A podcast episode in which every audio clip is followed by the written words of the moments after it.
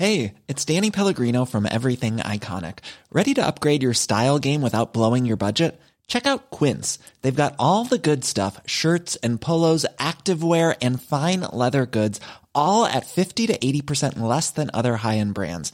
And the best part? They're all about safe, ethical, and responsible manufacturing. Get that luxury vibe without the luxury price tag. Hit up quince.com slash upgrade for free shipping and 365 day returns on your next order. That's quince.com slash upgrade. Mom deserves the best, and there's no better place to shop for Mother's Day than Whole Foods Market. They're your destination for unbeatable savings, from premium gifts to show-stopping flowers and irresistible desserts. Start by saving 33% with Prime on all body care and candles. Then get a 15-stem bunch of tulips for just $9.99 each with Prime. Round out Mom's menu with festive rosé, irresistible berry chantilly cake, and more special treats. Come celebrate Mother's Day at Whole Foods Market. Hey there, it's Michelle Norris. I'm host of a podcast called Your Mama's Kitchen. When I travel, I'm usually looking for a way to find a taste of home when I'm not at home. And one of the things I love to do when I am at home is entertain. And Airbnb allows me to do that. When I was in California recently, I rented a house that had a great kitchen. And when we were sitting around the table, we we're all thinking, we're in someone else's house. Someone could be in all of our homes as well. If you have a home, but you're not always at home, you have an Airbnb. Your home might be worth more than you think. Find out how much at airbnb.com/slash host.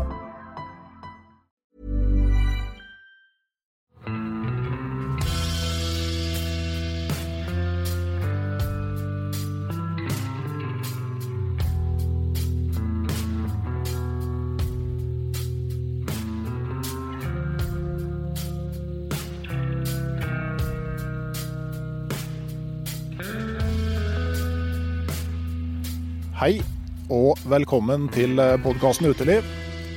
Mitt navn er Randulf Valle, og i dag blir podkasten Uteliv tatt opp i ganske fantastiske omgivelser på Dovrefjell. Stjerneklar eh, kveld seint i oktober. Nesten vindstille. Det betyr òg at vi hører lyden av trailere og tog som eventuelt kjører forbi ganske godt, for vi har gjemt oss lite grann unna veien. Eh, og her på Dovrefjell så har jeg fått storfint eh, besøk. Eh, velkommen til Jan Kåre Heiberg og Simen Bekken. Tusen hjertelig. Hjertelig takk. I dag så skal vi snakke om ganske mye.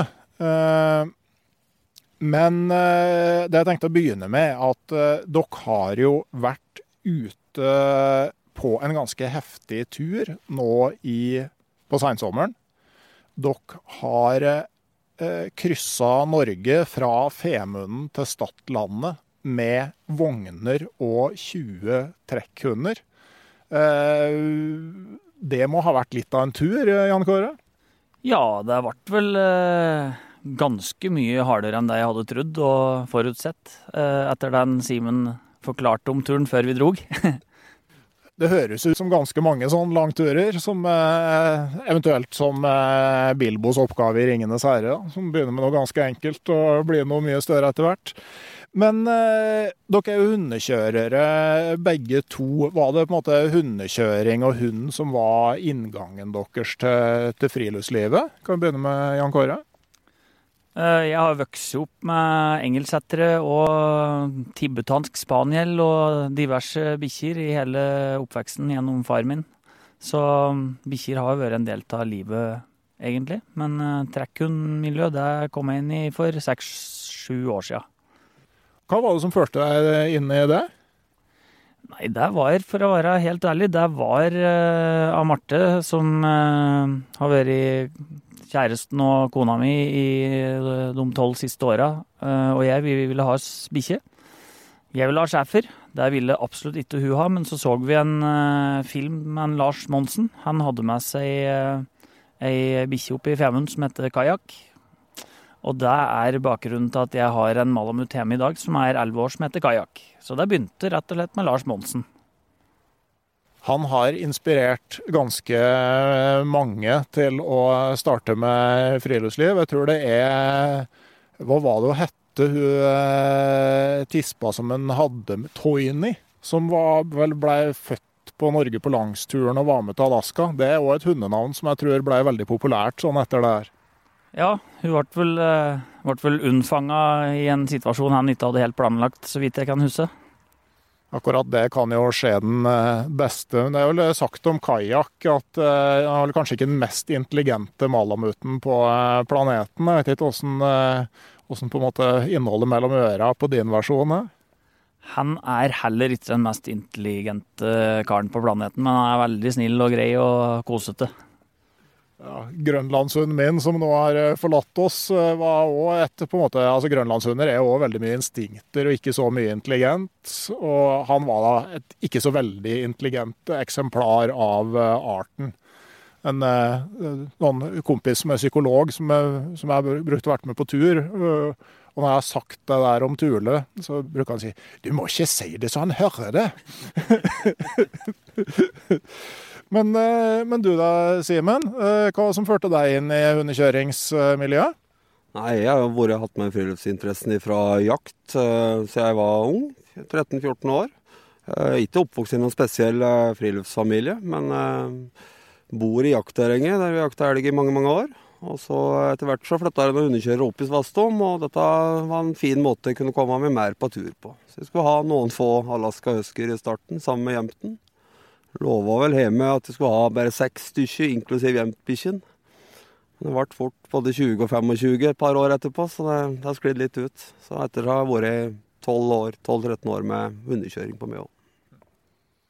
Ja, og Simen, eh, du er jo da på en måte også en sånn veldig viktig markering når podkasten Uteliv nærmer seg en rundt 65 episoder. Så er det da endelig en gaustøl som, eh, som gjest, og det er jo fryktelig hyggelig. altså Hjembygda mi, der jeg er oppvokst. Det, det er jo veldig, veldig koselig. Men har dere drevet med løpskjøring og sånn, eh, begge to? Simen? Ja, jeg kom fort inn og skulle prøve meg på løp, jeg òg. Jeg har ikke eh, vært så ivrig på løp de siste årene. Eh, jeg er nok mer på dette å være på tur og kose seg. og Jeg er kanskje litt for mye på tur på løp òg, men eh, det er artig å være med på noe løp. Og jeg skal fortsette med det nå framover, i hvert fall. Han har gira opp konkurranseinstinktet mitt litt, denne Høibjørn. Ja, du har vært ganske aktiv. Du har kjørt Finnmarksløpet, blant annet? Ja, jeg har her er det et liten eh, galskap når det kommer på et startnummer, så jeg har nok litt mer konkurranseinstinkt enn den Simen har, tror jeg. Så um, denne turen starta vel med både om å gjøre å ha på sokker fortest og seler fortest og komme seg fortest fra A til B, egentlig. Men eh, ja. Er, eh, jeg har kjørt Finnmarksløpet de tre siste åra nå. Men så er det jo sånn at altså sånn når man legger ut på en langtur som å f.eks. å krysse Norge på tvers, da, så er jo det ofte sånn noe som tar utgangspunkt i på en måte noe positivt. Men eh, turen deres er på en måte Altså bakteppet der er jo på en måte ganske trist. Eh, kan du fortelle litt om det, Jan Kåre? Ja, bakgrunnen min for denne turen det er jo at i 2015 så våkna jeg i nitida om morgenen til at Marte ringte meg. Eh, da hadde hun gått privat for å sjekke seg, rett og slett for at hun hadde hatt eh, veldig mye uregelmessige blødninger i underlivet, rett og slett. Og dratt for å for å sjekke seg for dette her. Og da ringte hun den morgenen. Uh, husker veldig godt at hun ringte og sa at nå, Jan Kåre, nå må du bare slappe av, men uh, de sier at jeg har fått livmorhalskreft. Og det det er jo en av grunnene til at jeg ble med på denne turen her. Uh, Marte ble jo Har jo gått gjennom veldig mye behandlinger de siste åra. Uh, og til slutt så endte det jo ikke så bra. Så Simen, han uh, fant på en smart ting, og det var å reise ut på tur. Komme seg litt vekk. Etter at Marte døde den 22. desember i 2019, så sovna hun inn etter fem år med en eh, forferdelig eh, hard kamp mot kreften, rett og slett.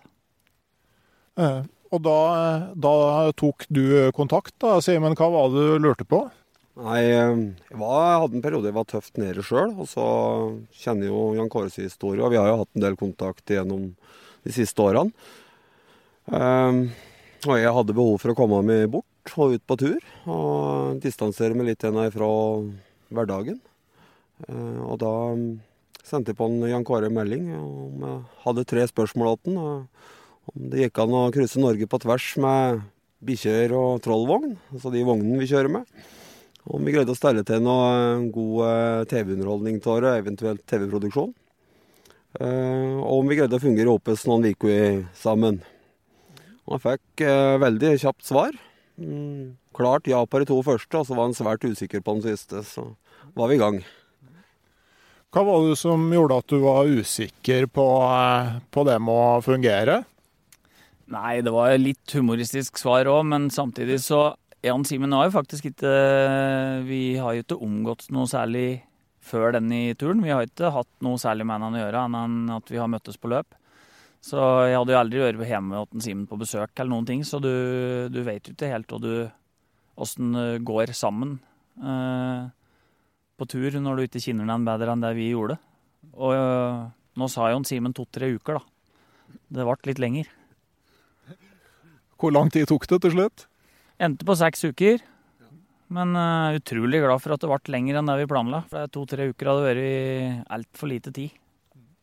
Ja, for det er jo sånn altså, det, det, Du sier jo du har konkurranseinstinkt, men altså det, det, er jo på en sånn tur så det Du finner jo altså, Når du er framme, så er jo turen slutt.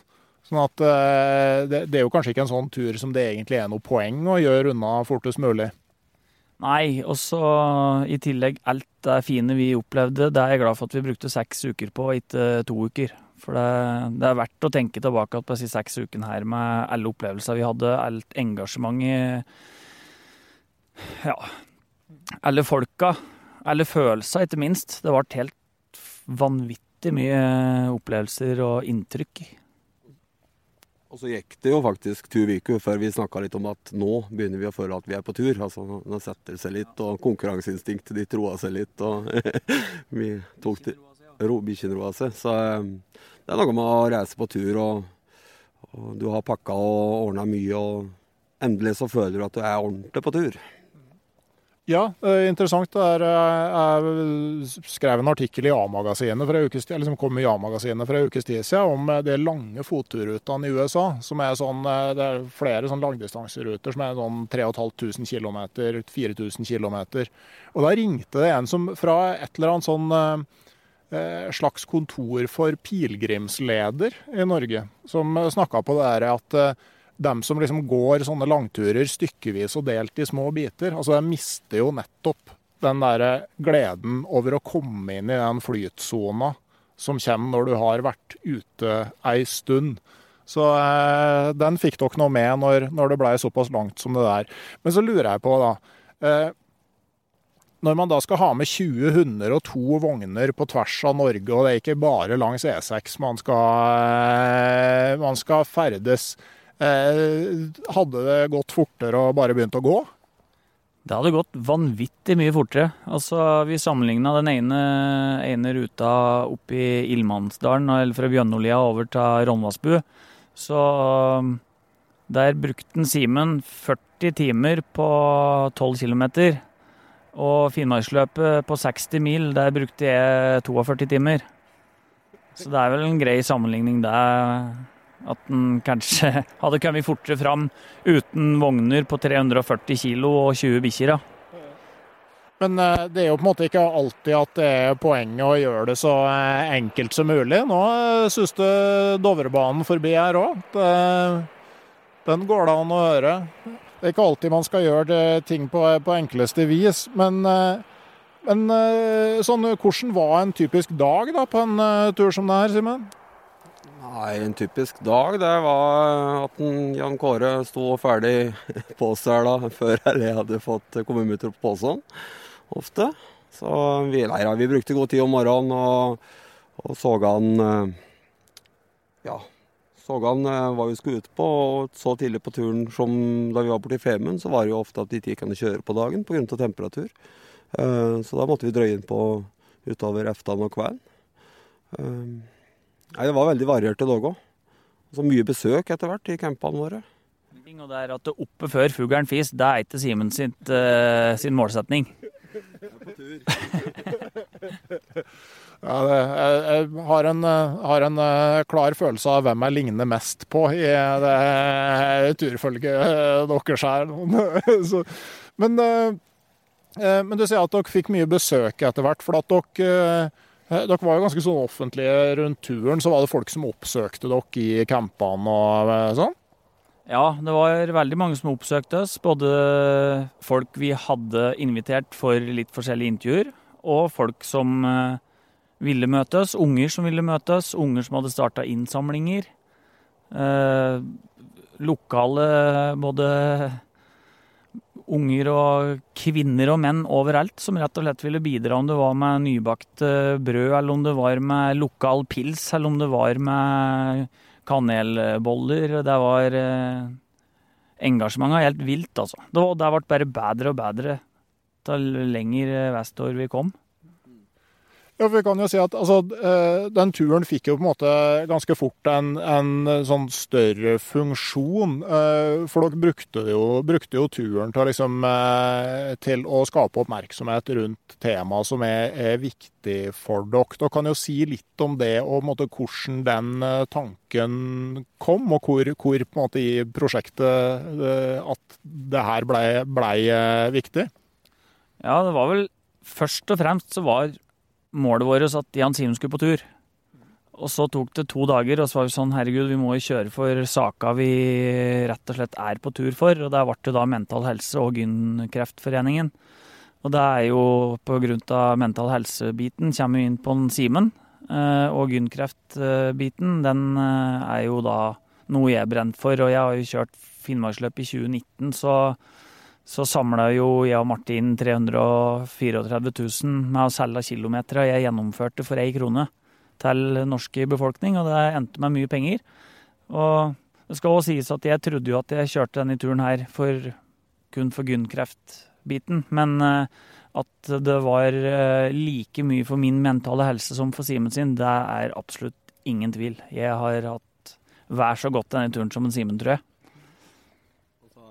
mye av de etappene som vi snakker om som har vært ekstremt tøffe, det er jo ikke bare for at vi skal ha gjort og gimmicken og dette her rundt å lage noe ut av det. Er jo rett og slett for å teste seg sjøl litt, og vi har virkelig fått føle på den mentale helsa på tur. Eh, på, på, en helt annen måte enn du gjør i hverdagen. Men følelsen sitter igjen med at ting er helt umulig, eh, er noe som kanskje jeg har følt litt på i hverdagen ellers òg, da.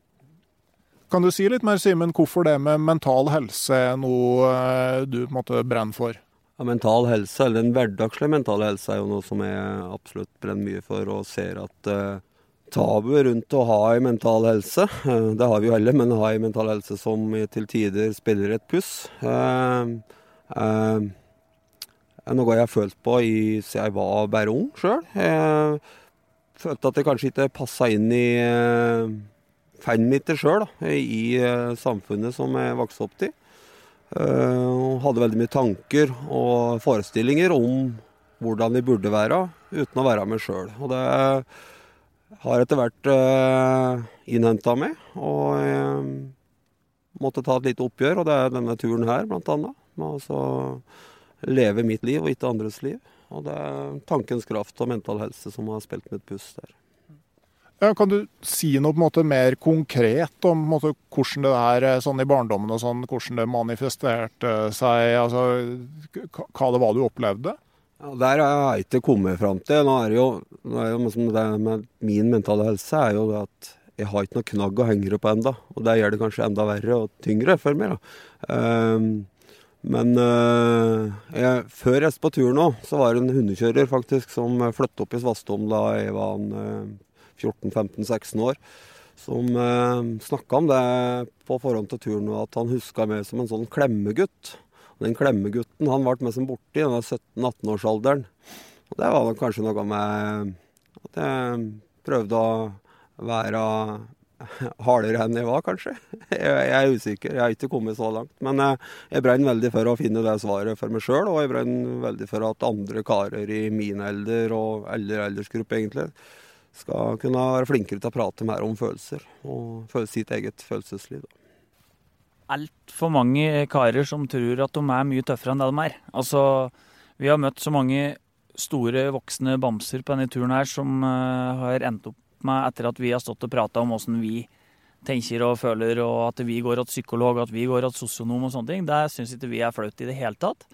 Og at det kommer store voksne karer som faktisk da får ei tåre i øyekroken og begynner å grine og forteller litt om seg sjøl, at jeg skulle kanskje oppsøkt hjelp sjøl, og det er så godt å høre at noen tør å prate om det. Det er jo det som har gjort denne turen helt, uh, helt crazy. Det er, uh, det er, liksom Vi har følt at vi har truffet truffet noen, og det er, eh, det er da at uh, ting er tabubelagt, og det er flaut. Og det, det prøver vi å få vekk. Og det, jeg syns det, det, er flaut at det er flaut. Altså I Norge så går du til psykolog og får hjelp, så er du gæren. Og i USA går du ikke til psykolog, så er du gæren. Det er jo en kulturell ting for bl.a. sånn som Argentina. Leste har eh, omtrent høyeste psykologtettheten per befolkning. Og jeg tenker I Norge, hvis vi fikk høre at Erna Solberg gikk til psykolog, så tror jeg de fleste ville tenke at sånn Ai, vi har en statsminister som ikke har kontroll på seg sjøl. Det ville være det man tenkte. Men sånn, i Argentina at presidenten går til psykolog, er jo helt selvfølgelig. Når du tenker på liksom, hva slags valg og avgjørelser og dilemmaer du står oppi, og så har du kanskje familie og sånn i, i tillegg, så er det klart at altså, det er åpenbart at hvis du er statsleder, så trenger du noen til å lufte hodet ditt med eh, på, på, slutten av dagen. Men jeg tenker òg kanskje sånn i i ei relativt lita bygd da, som, eh, som uh, Gausdal, uh, og som i en måte ikke noe spesifikt der, men altså at, at kanskje menn på bygda òg har en enda større terskel for det her? Ja, det tror jeg absolutt. Det er jeg helt sikker på. I hvert fall de samtalene vi har hatt underveis, har jo bevist det. At det er mange som følger den tankegangen der. Med at på bygda så er lista enda litt høyere for å, å oppsøke hjelp, da. Eh, men det, det trenger ikke Hvis du har litt mer åpenhet om hva du sliter med og tanker, og har en nær kompis, så, så er det ikke det at du må trenge, gå til å få hjelp av en psykolog som jeg har måttet ha søkt til nå. Men hvis du er litt mer åpen og har kompiser du kan prate med, så er det gull verdt òg. Denne medmenneskeligheten med å ha en god kompis å prate med. Ja, Og så er det vel òg kanskje en sånn der eh, tanke om at du skal ikke gå til psykolog før du på en måte ligger i fosterstilling på, på kjøkkengulvet. Men, eh, men, det at uh, Altså, ved å ta den avgjørelsen mye, mye tidligere, så, så, får du kanskje høre litt om måte, ja, at, hva følelsene gjør med deg, og hvorfor tankene dine er som de er og at du kan få litt justering tidlig, i stedet for å måtte, måtte gjennom noe lenger og hardere seinere. Ja, altså Vi har jo skapt vår egen emneknagg for denne turen, her, og det er jo hashtaggen eh, 'tabu tar liv'. Og det er jo rett og slett det at uh, tabu tar liv. For det, er tabu å gå til psykolog, det er tabu å gå til gynekolog.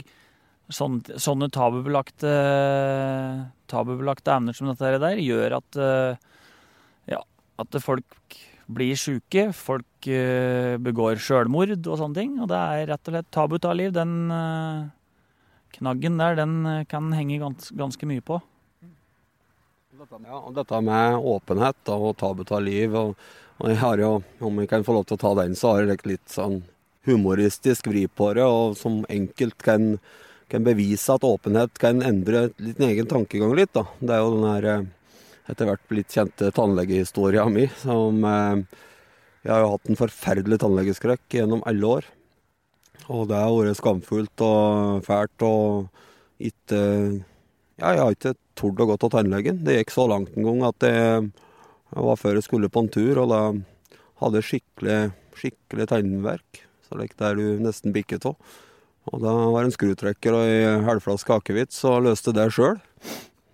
Men så etter hvert så blir dette synlig på han, at eh, tennene begynner å dette utover det. Og da må du være litt mer åpen. Og så tar du inn over de tankene at du Dette som alle sier, at det er jo ikke farlig å tennlegge, det er bare å gå.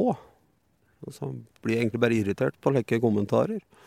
Men så åpner du litt for å prate mer om det, og da endrer tanken din sin litt. Og så kommer du til tannlegen til slutt og får ordna opp dyret. Og det har med å være åpen og prate om det du sliter med, av angst, skrekk alt mulig. Og det kan bli tyngre ting etter hvert, da. Jeg kan si det sånn at uh, Smilet av Simen var ikke så pent som nå uh, når vi begynte å planlegge denne turen her. Da var det litt mer uh, åpninger inni der. ja, nei, det er greit med alt man får uh, fiksa på. Vi kan kanskje ta én ting til før vi går tilbake til turen deres. Og det er jo litt sånn uh, Hvis noen sitter og hører på og tenker litt, altså Det her kjenner meg igjen i. hvor skal jeg begynne? Hva tenker du om det, Simen? Ja, Det er et spørsmål som mange stiller seg sjøl. Og så er det òg et spørsmål som eh, mange pårørende stiller seg. Hvordan, hvis de ser det på nære, at de, eh, her er et eller annet som skurrer, så går det an å, å ta kontakt med f.eks. Mental Helse Norge, som har flere gode hjelpetelefoner for å, for å hjelpe på det første steget. Da. Så det er absolutt et eh, råd jeg kan gi at alle som sitter med tanker om at de trenger noen å snakke med, så vet i hvert fall Mental Helse Norge hvordan de kan starte veien. Det er et bra startsted. Og så har man vel også, altså er vel òg fastlegen et, eh, et, bra startpunkt eh, for de fleste? Ja, det kan det være. Eh, så for deg sjøl som sliter, så kan det hende at noen ganger er lista høy for å ringe til fastlegen sin òg, som vet mye om det ellers. Så jeg ja, fastlege eller Mental Helse Norge, eller om du ser at noen sliter, så er det faktisk lov til å ringe legevakta i dag. Det er å si, varsle om at her tror jeg kanskje at det er noen som trenger å bli tatt eh, tak i. Legevakta når du på 116117. Uh, komme til nærmeste legevakt hvis du ringer det. Men uh, tilbake til Norge på tvers med, med 20 trekkhunder. Altså, Eh, hvordan planla dere turen? Altså, hvordan fant man ruta, hvordan la dere opp logistikken? Nei, altså, vi planla turen slik at en Simen planla turen. Jeg pakka bagen og ble med. Simen er Hvis jeg hadde planlagt denne turen her, da tror jeg Det er ikke sikkert vi hadde vært framme ennå. Det er ikke sikkert vi hadde funnet Vestlandet engang. For jeg sto bak døra både i geografitime og mattetime og det som var, så jeg hang med på og ble med og sa ja. Og det er jo Ja, som sagt, Simen måtte finne en som var dum nok til å si ja, og jeg ble med. Og det er ikke sikkert alle andre som uh, han hadde spurt, de hadde sikkert gått gjennom ruta litt mer. Så sånn som den, uh, ifra, den ruta fra Bjønnolia og over til Ronnvassbu, den skulle jo jeg egentlig gå. Men uh, jeg gjorde ikke det, for det ble bare ikke tid til det. Og det Hadde jeg gått den ruta, så hadde vi i hvert fall aldri kjørt den. Nei, for at, altså, mitt inntrykk av Rondane er jo at det er ei eneste stor steinrøys. Uh, sånn at, uh, men, men, det var liksom eh, dealen, at Jan Kåre skulle sjekke om det her var farbart med, med hundespann. Og, og, og, hvordan reagerte du da, når du kom og så det nylig godkjente strekket? Nei, altså, jeg, jeg var jo ikke overraska, egentlig. Men det som hjalp meg, det var at jeg visste at jeg hadde gått en rute som vi skulle komme til litt senere, som jeg skjønte var mye verre enn denne her. Så jeg som trøsta med meg at kom gjennom her, så, så skal han få en overraskelse litt senere på turen òg. Men eh, vi har hatt eh, Jeg har brukt mye tid på planlegginga, og vi visste at dette skulle bli tøft. Eh, det var litt av planen òg. Å kjøre bære grusveier og E6 eh, tvers over Norge er jo kjedelig. Ja, og det å, å, gjøre det til en utfordring, sånn som for deg, Jan Kåre. Altså, eh, som du sier, hvis du står på en grusvei, så, så, kan kanskje tankene få lov å vandre. Og det er ikke alltid man vil at de skal gjøre det. At det er bedre å ha noe å fokusere på. Ja, det er eh, hjem... Altså, før jeg dro på denne turen her, så var det mange dager jeg trodde det ikke kom til å bli noen tur. For at jeg hadde, hadde rett og slett lite helvete før jeg dro på denne turen. her. Det var mange dager som var veldig, opp og ned. Og mm, det å stå og tenke på denne vogna når jeg står på den, og sånne ting, og det gjør at, uh, at jeg får mye vonde tanker når jeg ikke har noe å drive med. Så når vi kom oss ut i Steinrøysa, sånn, så ble det et annet fokus. Det ble det. Så og det er en annen ting vi merka veldig godt på. Vi fikk et annet fokus, og det smitta jo så over på bikkjen. Og det er noe jeg har lært veldig mye på turen her om eh, hundekjøring. Det er dette her Hva er det vår, våre tanker påvirker faktisk bikkjene våre, tror jeg mye. For at de ble jo helt spinnville da vi begynte ute i Steinrøsa, og vi måtte begynne å slite sammen med bikkjen.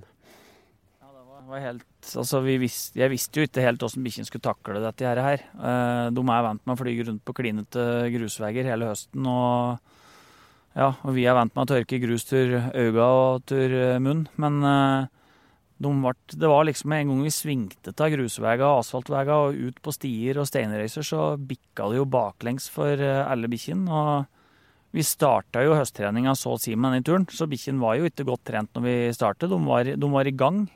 Men uh, denne turen, den uh, nei, var helt, helt ellevilt å se åssen bikkjen uh, likte dette her. Og det var etapper på alt mulig fra 700 meter på to timer til eh, at vi kjørte i fire-fem mil og brukte 11-12 timer på det i løpet av dagen med mye pauser. Så denne turen innebar jo alt.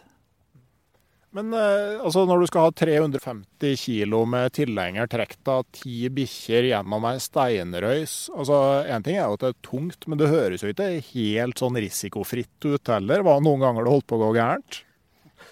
Eller noen ganger det ikke gjorde det? Nei, altså Det har jo ikke gått galt, men uh, vi har jo kjent på det. Når vi, uh, spesielt i skråhellinger, og uh, vi har jo kjent såpass på det at vi etter hvert tok noen større risikovurderinger og da tømte vognene, bar fram og tilbake. Vi hadde tolv turer, tror jeg, hver med utstyr før vi hadde fått fram det. Og så skulle vi fram med bikkjer, og så skulle vi trille fram vogner. Og da hadde vi kanskje forflytta oss en 400-500 meter. Eller en kilometer, da. Vi hadde jo en eh, dag borti Rondane der vi brukte ni timer på å flytte oss 1,6 km. Merker dere at måte, risikotoleransen endrer seg i løpet av turen? Er det sånn ting man gjør på slutten som man aldri hadde gjort på starten? Ja, absolutt. Det det skal jo sies at eh, jeg velta jo rimelig kraftig med vogna mi en gang. Eh, Simen velta litt, jeg velta ordentlig.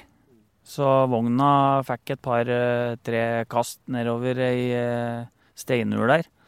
Og alt gikk bra med bikkjer, og vogna tilsynelatende egentlig ganske bra. Det sprakk litt eh, over middels mentalt for hugget mitt.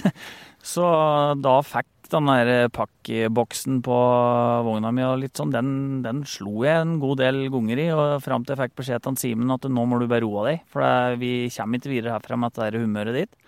Så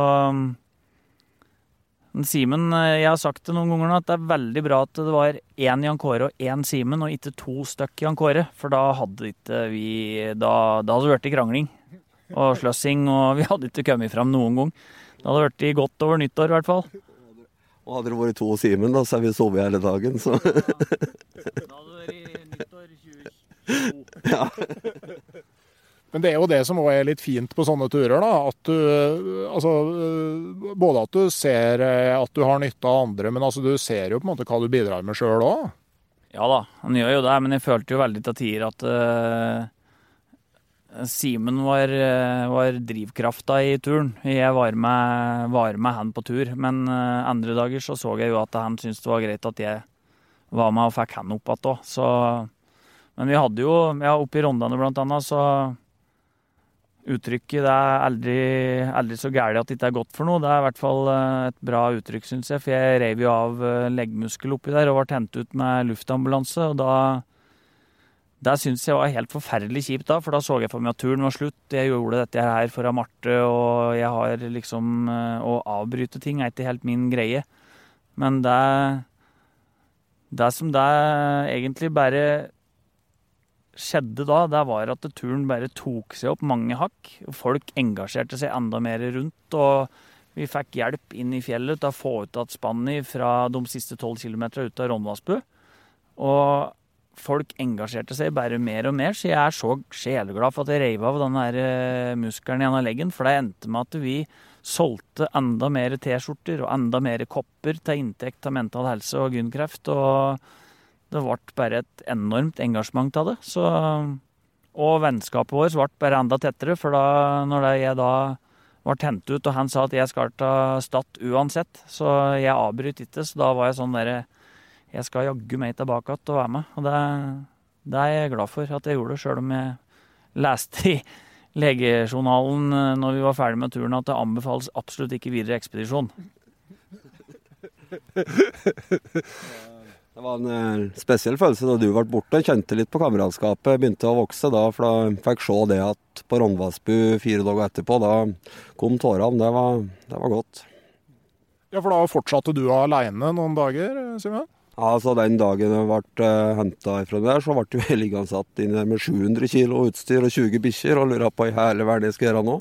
Det var ikke telefondekning inni der, så jeg visste jo ikke at, uh, at når det skulle komme noen. Jeg visste jo at det skulle komme noen etter hvert å hjelpe meg.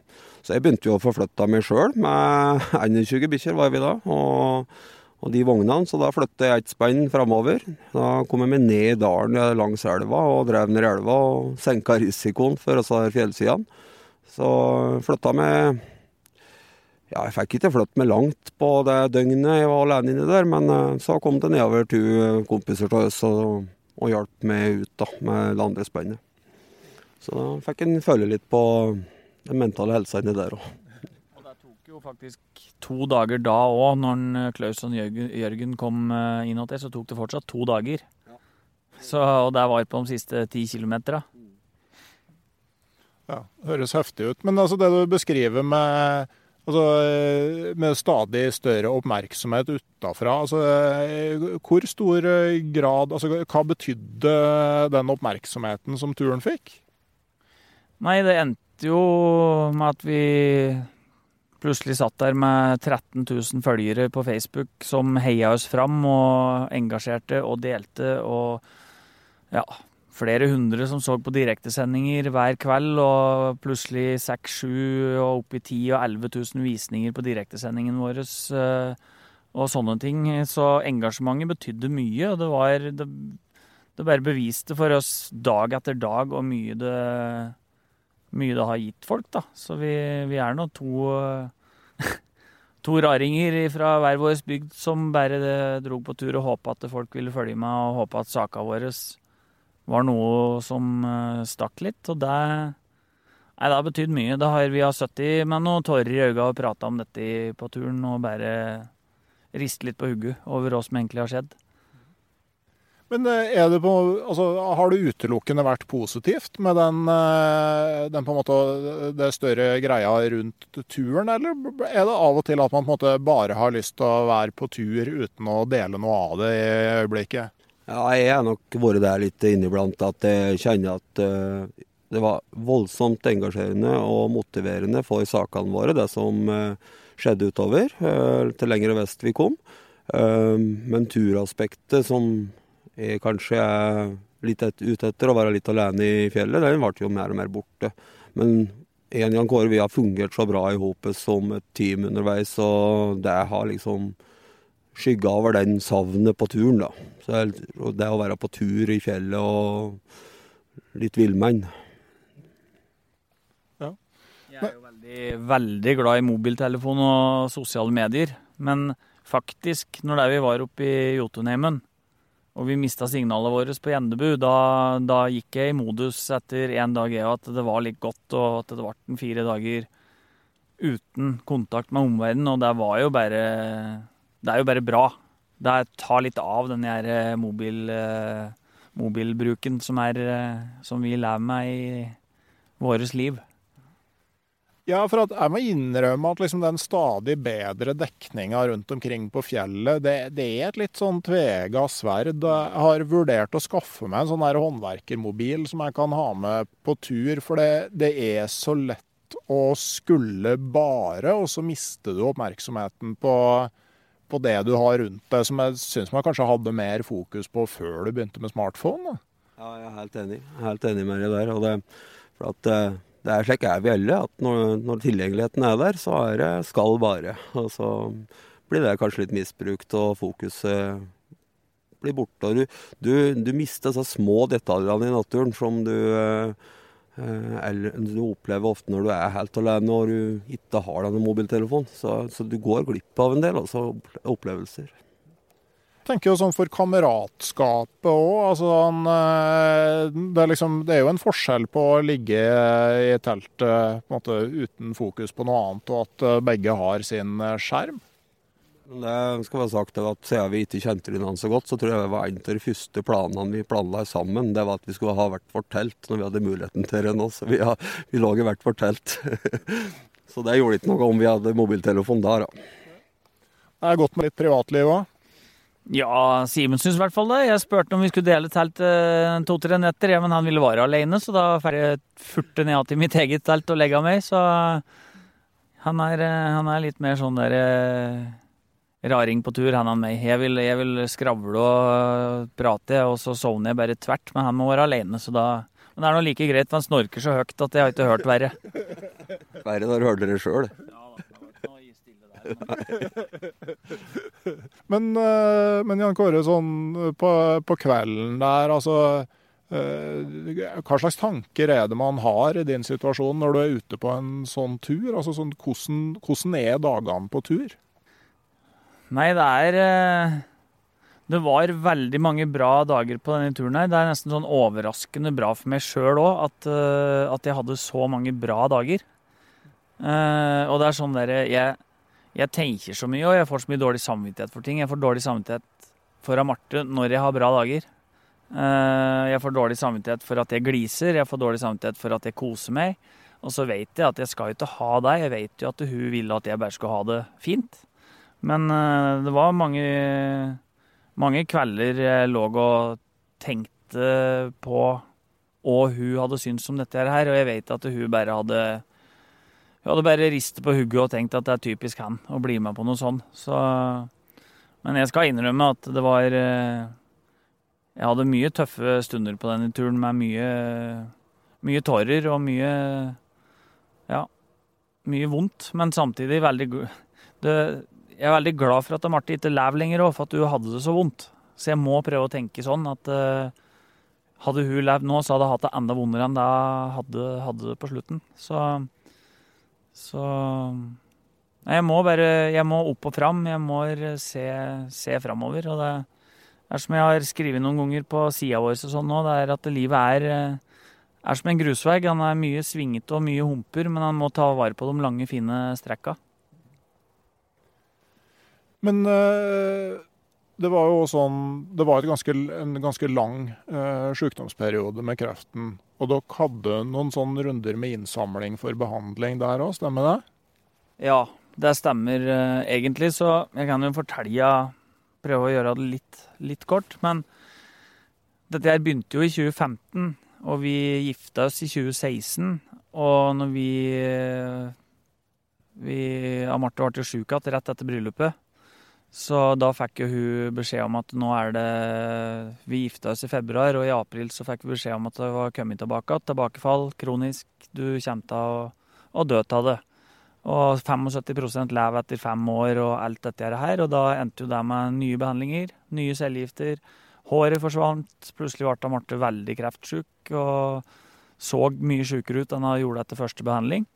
Og når vi da kom hjem igjen fra veldig lang eh, behandling da, så da panka det på døra vår. Da kom det et vennepar som hadde samla inn eh, penger til oss til bryllupsreise. Og da var det rett og slett en eh, De hadde engasjert veldig mye folk. Og da var det en sjekk på 217 000 de kom med på døra vår.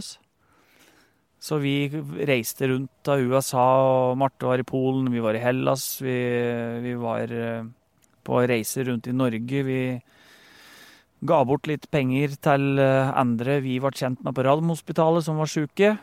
Og dette her ble jo òg da i forhold til det med Finnmarksløpet, at jeg ville kjøre Finnmarksløpet foran Marte. Hun var jo med som handler i 2018. 2019 var jeg med i Finnmarksløpet eh, på cellegift. Fikk fri fra sykehuset ei uke. Hun var jo med hele runden oppi der da òg. Og vi samla inn penger der. Søsteren starta og lagde Fuck Cancer-armbånd, og solgte vel armbånd for rundt 700 000. Så det var, har blitt litt sånn eh, hjertebarn å samle inn penger til Gynkreftforeninga og Kreftforeninga.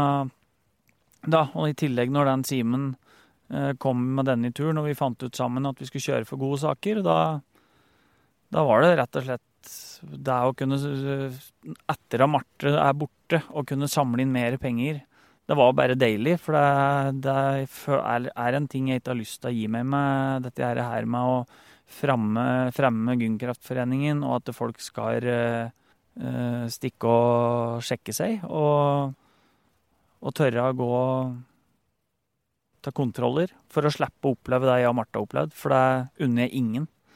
Det er uh, å se den, du, den, som betyr mest for deg i hele livet, gå gjennom noe sånn. Uh, det er helt jævlig, og i tillegg skal jeg ikke legge skjul på det, at uh, å være pårørende i en slik situasjon òg, det er, det er helt forferdelig. Både un før og eller under sykdommen og etterpå. Så det er jeg har veldig medfølelse for dem som får disse beskjedene om celleforandringer og begynner på disse her behandlingene her. Det er. Det gjør bare vondt å høre om det, for jeg vet hva familien skal gjennom, og jeg vet hva den stakkaren som får dette her forferdelige greien her, skal gjennom. Så det unner jeg ingen er det på en måte sånn dobbelt bra med, med den innsamlinga du driver med. At du, du, eh, samler inn til noe du brenner for, men det er òg noe konkret å måtte bruke dagene på? Ja, jeg tror nok at det er uh, dobbelt bra, som du sier. Ja. For det er selvfølgelig Det viktigste med denne turen her har ikke vært å samle inn mest mulig penger. Det har egentlig vært om å gjøre å få satt fokus på saken. Og få folk til å engasjere seg, få folk til å stikke og sjekke seg. Og så er penga bare en bonus oppatpå. Uh, og Samme er det jo med Simen sin mental helsebit. Men uh, det er veldig godt å vite at en gjør noe godt for andre, da. Det er nok annet i denne verden her som med egoisme og at hverdagen går og at en ikke har tid til noen ting. Så bruke tida litt på noen sånne, sånne gode gjerninger, det syns jeg i hvert fall gjør veldig godt. Og der får jo fokuset litt bort det er litt rart, men eh, å samle inn penger til Gynkreftforeninga får fokuset mitt litt bort ifra tanka på kreften og det som tok av Marte òg. Eh, og, og, for deg da, Simen, altså sånn med tanke på mental helse og det å, det å få ta med deg eh, Jan Kåre og få være støtte for han, altså er det òg noe som, som, på en måte hjelper deg? Ja, det hjelper meg veldig mye. Det var jo litt sånn der Skulle kjøre for en sak og kjøre for mental helse når jeg har slitt ganske mye sjøl. Det var litt vanskelig når det er på tur, for da er du på tur, og der er mitt element, og da har jeg det veldig bra. Og var jo litt redd, og vi snakka litt om det igjen, Jan Kåre, var jeg veldig redd for det som etterpå, når vi skulle hjem igjen. var jo det som var frykten min, at det skulle liksom bli et veldig vakuum. da, At jeg skulle ha åpna med så mye om mental helse, og så skulle føle litt på det når vi kom hjem at det ble sittende satt alene. Men det har egentlig bare blitt helt annerledes. At det brenner bare enda mer for å og ser behovet for at vi fokuserer på mental helse, og da kanskje mest på menns hverdagshelse. Ehm, så jeg, det har gitt meg veldig mye å være der for Jan Kåre, og jeg har følt veldig mye på at han er der for meg eh, underveis på turen. Og jeg gleder meg til å jobbe mer med fokuset på disse sakene våre og nye turer vi har jo blitt litt ektepar, Simen. Uten at vi har noe fysisk kontakt, så er vi litt ektepar. Simen må jo få lov å klemme lite grann. Da. Ja, han har fått noen klemmer. Han er veldig glad da. Og hente fram igjen klemmegutten. Ja, han har kommet fram igjen. Ja, han er fram igjen. Kom fram igjen akkurat til korona. Ja, akkurat til korona. Det var dårlig timing. Eh, men eh, jeg, jeg, liker jo litt der, eh, i podkasten her å titte litt bakover på ting man har snakka om før, og andre gjester. Og jeg hadde jo en lang og god prat med Kjartan Trana her i, i vinter, vår, som da hadde fått en alvorlig kreftdiagnose. Og eh, han var sånn, han og samboeren hadde jo allerede snakka såpass mye om altså, det at man skulle dø, og om døden, at det her ikke endra noe særlig. Men altså, sånn som med, med deg og, og Marte, Jan Kåre, altså, var på en måte altså, det at alle skal dø, var det noe dere noen gang hadde tenkt over eller snakka om? Ja, altså, han er jo Som jeg og Marte sa, så er, han jo født for å dø. Altså, men vi prata om det, vi òg. Men ikke veldig mye de kanskje tre, tre og et halvt første åra. Og jeg visste jo at Marte skulle dø eh, hele tida, men det kom, eh, kom brått og var like vondt uansett. Jeg trodde jeg var veldig forberedt, men eh, det var eh, Det var eh, Jeg var ikke så forberedt allikevel når det først skjedde. Så Nei, jeg vet ikke. Dette tror jeg er veldig fra person til person og par til par. Åssen de klarer å sitte og prate om sånne ting og få det fram. Marte var veldig Marte var så positiv hele tida. Altså, hun hadde vondt, hun var kvalm, hun hadde ja, vonde bein, hun var sliten, hun var trøtt. Men allikevel så var hun positiv og ville besøke tantebarn. Hun ville ut på ting. Hun gikk i Hun sang jo i gospelkor, og hun var jo et rivjern uten like. og vi har jo, vi har jo som sagt malamutter òg, i tillegg til alle disse andre firbente kompisene våre. Så hun var den som skulle ut på tur. Hvis jeg ikke orka en dag, så var det bare å, samme om det regna eller hva det var for noe, så skulle hun på tur. Så hun var Hun var Jeg hørte på han, den podkasten din med Kjartan opp hit i stad og satt med tårer i øynene og tenkte på Marte, for det, det er noe med viljestyrken som kommer fram når du blir så sjuk, tror jeg. Og da er det da er det nesten verre å være pårørende. For det er den som er sjuk, den er positiv og er glad for det han har opplevd og klarer å finne de sidene. Mens vi pårørende sitter ved sida av oss, syns synd på oss sjøl og tenker at vi skal bli igjen alene, og det er vi som skal kjenne på ting og tang. Så ja, Marte, hun mint, Eller han Kjartan minte meg veldig om Marte, og det åssen hun var i sin tankegang. Og det tommel opp den, og high five til Kjartan for å være en sånn en. Det er eh, veldig viktig for dem rundt at han er så blid og glad og positiv som han hørtes ut som han var. Jeg vet i hvert fall at Kjartan kom seg til Børgefjell i sommer. Ja, det er helt, uh, helt rått. En ting uh, Kjartan og jeg snakka på. Vi, vi anbefalte bøker til hverandre. Uh, og det Kjartan anbefalte, var ei bitte lita bok. En lita lilla bok med noe uh, gullgreier på, som heter Tid. En italiensk professor som heter Carlo Rovelli, som har skrevet inn. Og jeg, hadde jo litt dårlig samvittighet gjennom sommeren for at jeg kom ikke i gang med den boka her. Og så fant jeg den i en bokhandel og tenkte nå, nå skal jeg gå på. Og, og det er jo litt sånn man tenker jo kanskje at tid er noe som begynner et sted og, og går som ei linje. Og når du leser denne boka her, så finner du at det gjør det jo ikke i det hele tatt.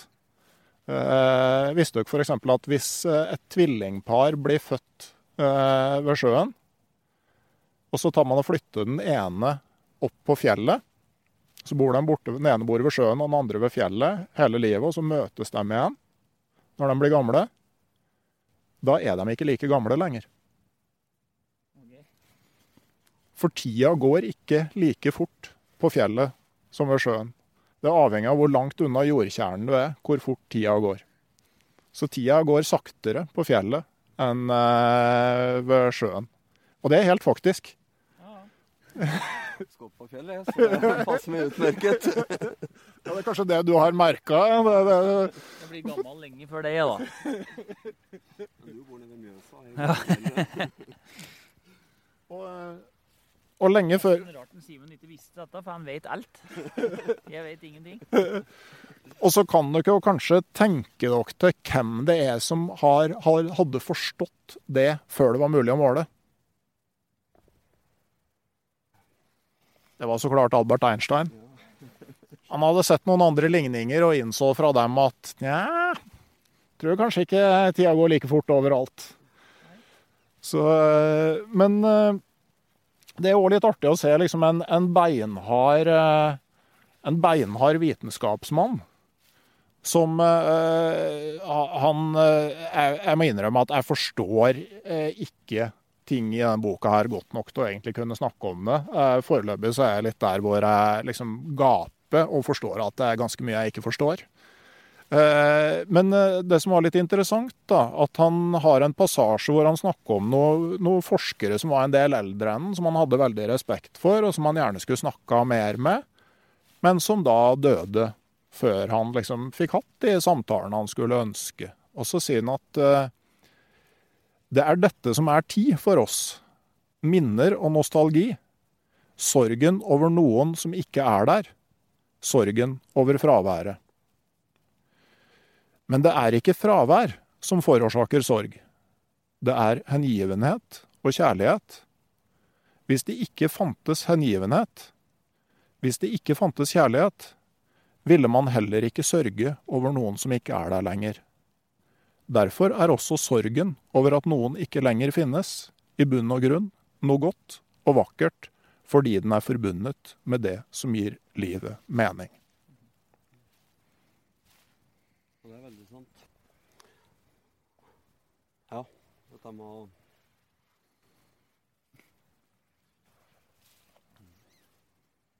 Og det er fysikkprofessoren.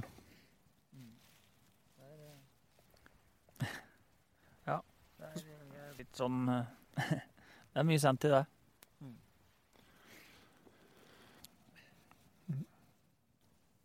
Blir tankefull etter slike ord. Kan bare la bålet brenne litt. Etter.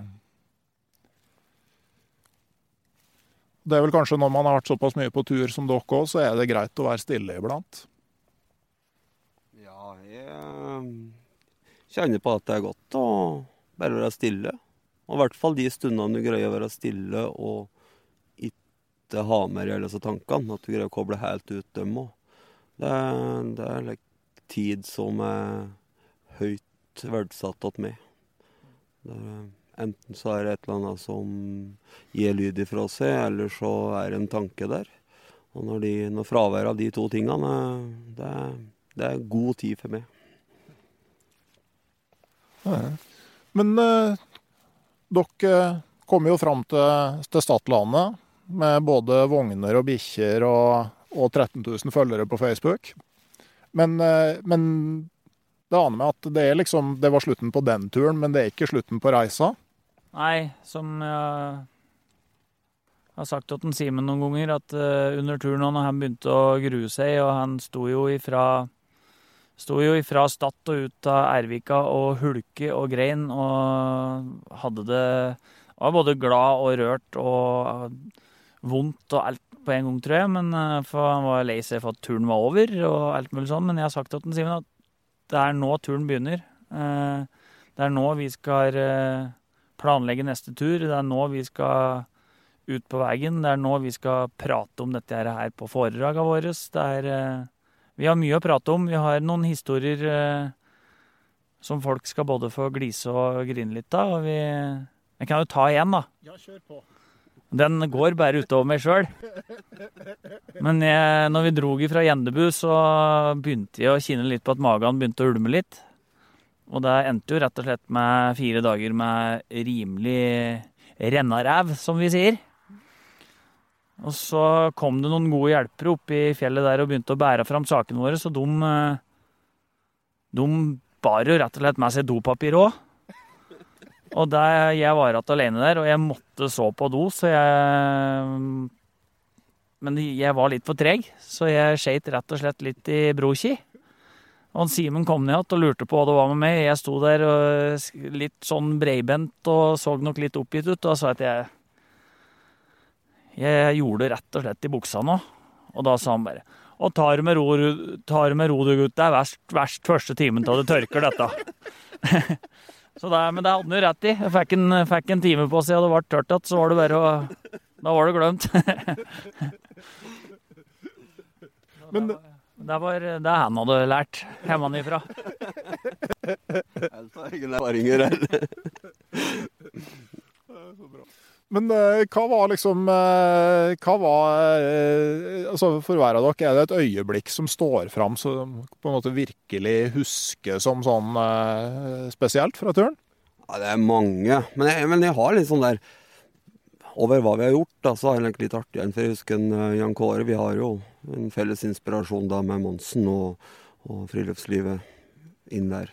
Han var så, ble så storøgd. Han så en Monsen hadde med seg en kajakk på Femundbåten en gang på en av TV-programmene sine. Og da vi sto på Gjendebåten fra Gjendebu og inn til, nei, fra Gjendesheim og inn til Gjendebu, og det lå eh, 21 bikkjer på dekk framfor oss, det var som et, et stort øyeblikk. Men det, det er jo mange fine turøyeblikk i tillegg. Men jo, den var, den var stor. Kan man kjøpe billett til hund på den båten? Ja, det kan du faktisk. Men uh, denne båtturen uh, var nok et uh, bevis på engasjementet for sakene våre. Så det var noe Gjendebåten tok oss med hele veien for å støtte sakene på en ekstra tur.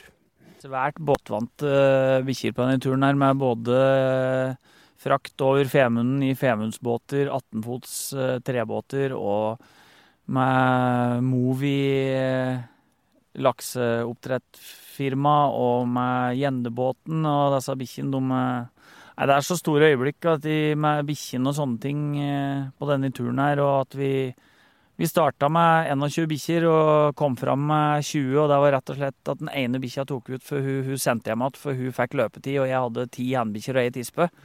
Så ellers så kom vi rett og slett fram med, med 20 skadefrie bikkjer til Ervika, som det sto 100, 150 stykker, og tok oss imot. Og ordføreren og ja, Bare da når jeg tok beinet mitt, og helikopteret kom, og alle bikkjene bare satte seg ned til Ule liksom sa ha det til meg, og det var sånn der, som brente seg fast. Og ja, når Simen kom, og Klaus og Jørgen kom ned på Ronnasbu og fått bikkjene ut, og jeg kunne stelle meg på vogna og bli med igjen videre, og alle som har stilt opp unger som har samla inn 15 000 kroner, uh, ville egentlig tømme sparegrisen sin. og Nei. Det er mange øyeblikk. Det er, ja, den båtturen over Femund nå, det var jo som så tidligere. Det var jo ikke, det var ikke noe særlig public, det vi drev med. og liksom, Alle brenner så for det. Og så mange fine øyeblikk fra naturen der, med overnattinga på Remdalsfjellet i Måsån der. og under tarpen i Bjørnålia lå vi. Da, vi. da delte vi da telte vi. Da, Takk. Da var det bra nok. Ja. når det regnet og når det var kaldt, da var jeg bra nok den natta. Da, da. Nansen og Johansen brukte vel omtrent et år før de, eh, før de ble dus, selv om de sov i samme sovepose. Så dere har enda ikke kommet i samme telt. Så det er fortsatt et, eh, fortsatt et stykke å gå før det er som Nansen og Johansen er. Ja, det var lite Brokeback Mountain. Gudskjelov. Med den tåfislufta bekken har, så tror jeg de fleste unngår det. Men uh, på veien videre òg, altså sånn uh, uh, Har du måte noen tanker om framtida, Jan Kåre? Hvor, hvor, håper du å være om fem år, f.eks.? Jeg håper at jeg fortsetter som nå og ser framover. Og tenke at uh, livet, er, uh, livet er fint, sjøl om det er skjørt. Så jeg Mine framtidsplaner er å fortsette i den tralten Neon Simen har starta nå. Uten å Uten å ta helt av, så er det uansett drømmen å leve av det Eon Simen har starta. Og kose oss med det vi trives best med, og ha det fint. Så ellers så tror jeg at uh, han skal, skal, være Jeg har rett og slett blitt ganske flink til å tenke at han skal være glad for hver dag, og så skal han uh, nyte livet. Men du da, Simen? Nei, Jeg støtter meg mye på det Jan Kåre sier der. Jeg håper jo at vi får, uh, har en dag om 5-10-20 år på tur. og nei, jeg vil gjerne fortsette den tralten, som en sier. Um, og være glad for hver dag. Og så, ja Være litt, si litt mer som uh, Fugleliden sa. Gi litt mer faen. Det høres ut som en, eh, et, et, bra tips. Og, men en ting jeg har tenkt en del på i det siste, eh, nok en gang tilbake til episoden med Kjartan. Han, eh, han eh, siterte fra et sånn gammelt indisk epos. En sånn vismann som ble spurt om det største mysteriet. Og det var at hver dag så er det tusenvis av mennesker som dør. Mens dem som blir tilbake, fortsetter å leve som de skulle leve for evig. Men så har jeg tenkt altså når jeg møter folk som dere, så tenker jeg at er det egentlig sant? Altså det at folk Altså jeg syns jeg liksom møter flere og flere som gjennom nettopp den vissheten om at folk dør, gjør egentlig ganske store endringer i sitt eget liv. Eh, det virker jo i hvert fall som, som du, Jan Kåre, har gjort det. Ja. Jeg har i hvert fall prøvd å endre på Jeg vet at jeg har endra på mange ting. Og det er i hvert fall å slutte å irritere meg over småting. Og prøve å fortsette med det positive og holde de vonde tankene unna. Men samtidig så må en tillate seg å ha de vonde tankene òg. Det er det går an å kutte ut sånne ting som å bli sint på at folk ikke blinker i rundkjøring og sånn. Det, det, det, er sånne ting jeg og Marte prata på, at det er livet for eh, skjørt til. Og en annen ting som òg Sjøl om ting har vært hardt og tungt de siste fem åra, som av de tolv jeg og Marte var eh, fikk være sammen, så er det de fem siste åra som har vært de fineste åra, sjøl om hun har vært dødssjuk. For det er de åra vi setter mest pris på livet, og øh, ja, setter mest pris på livet og dum rundt oss og i næn, eller i næn, hverandre, da. Så det er litt sånn å Det er mange som syns det er rart når jeg sier det, men øh. Du uh, kan prøve å spille en veldig fin melodi, bære på de hvite tangentene på et piano. Og så kan du prøve bære med de svarte. Ingenting av det bli så veldig vakkert men prøver å spille dem sammen, så kan det bli en fin melodi. Og det er både med vonde og gode minner er du nødt til å ha. Er det noe dere har lyst til å si eh, helt til slutt? Jeg tror vi begynner å komme til en eh, ende her. Ja, jeg vil i hvert fall si én ting, og det er dette her som vi pratet på i stad, med å tørre å være åpen og tørre å oppsøke hjelp hvis en trenger det. Og ikke tro at vi er, eh, har eh, maske og superkappe på ryggen eh, hele tida. At vi alle sammen, vi er bare mennesker, og vi må tørre å Tørre å vise, vise fram at vi, vi er sårbare. Ja. Jeg henger med på, og så blir både mer åpenhet fra oss og mer tur. Så det vi skal holde fokuset oppe på sakene og vise norsk befolkning mye mer åpenhet og turer. Det gleder vi oss til. I dag jeg bruker jeg alltid å avslutte med et eller annet, men i dag eh, tenker jeg rett og slett bare jeg skal si tusen takk for at uh, dere tok turen og møtte meg oppe på Dovrefjell. Og så kommer det en ny episode av podkasten Uteliv om ei uke. Ha det bra.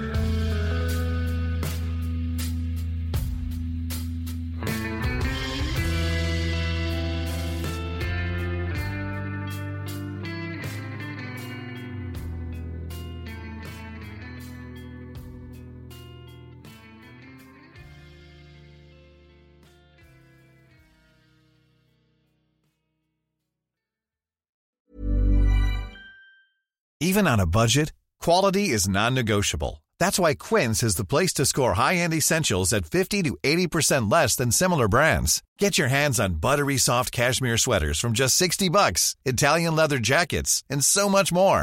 And the best part about Quince, they exclusively partner with factories committed to safe, ethical, and responsible manufacturing. Elevate your style without the elevated price tag with Quince. Go to quince.com slash upgrade for free shipping and 365-day returns. Mom deserves the best, and there's no better place to shop for Mother's Day than Whole Foods Market. They're your destination for unbeatable savings, from premium gifts to show-stopping flowers and irresistible desserts. Start by saving 33% with Prime on all body care and candles. Then get a 15-stem bunch of tulips for just $9.99 each with Prime. Round out Mom's menu with festive rosé, irresistible berry chantilly cake, and more special treats. Come celebrate Mother's Day at Whole Foods Market.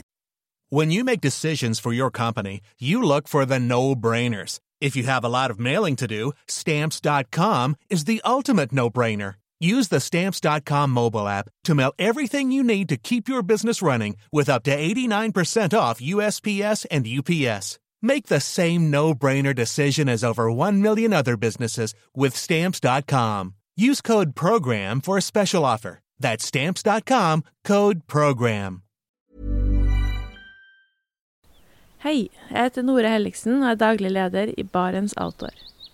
Det beste vi kan gjøre for planeten, er å redusere forbruket vårt og få mer ut av det utstyret vi allerede har. Men vi vet av erfaring at bruken av telt kan endre seg over tid.